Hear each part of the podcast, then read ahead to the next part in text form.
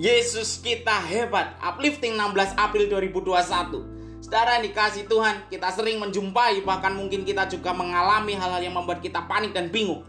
Panik dengan masalah-masalah, panik dengan masa depan, panik dengan urusan jodoh dan kita bingung bagaimana harus menyelesaikannya. Saudara, kalau kita membeli sebuah alat elektronik, selain kita mendapatkan buku garansi, di situ pasti kita juga akan membuat manual book yang isinya bagaimana kita mengoperasikan alat tersebut dan cara mengatasi masalah-masalah ringan bila terjadi sesuatu dengan alat yang baru saja kita beli.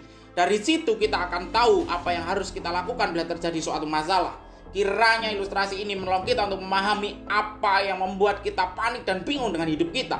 1 Korintus 2 ayat 16 mengatakan sebab siapakah yang mengetahui pikiran Tuhan sehingga ia dapat menasihati dia. Tetapi kami memiliki pikiran Kristus. Yang sering membuat kita panik dan bingung adalah cara kita menilai yang salah. Cara menilai diri untuk melihat keadaan kita memang tidak bisa mengubah keadaan, kita tidak bisa mengubah orang, kita tidak bisa mengerti secara penuh apa yang ada di pikiran Tuhan. Tetapi dengan melihat Kristus hidup, kita akan tahu apa yang harus kita lakukan bagi hidup kita. Jadi tetaplah tinggal dalam firman, tetaplah tinggal dalam doamu. Bagaimana Kristus hidup, bagaimana Kristus bertindak, dan bagaimana Kristus menilai. Itulah cara terbaik kita dalam menilai. Haleluya.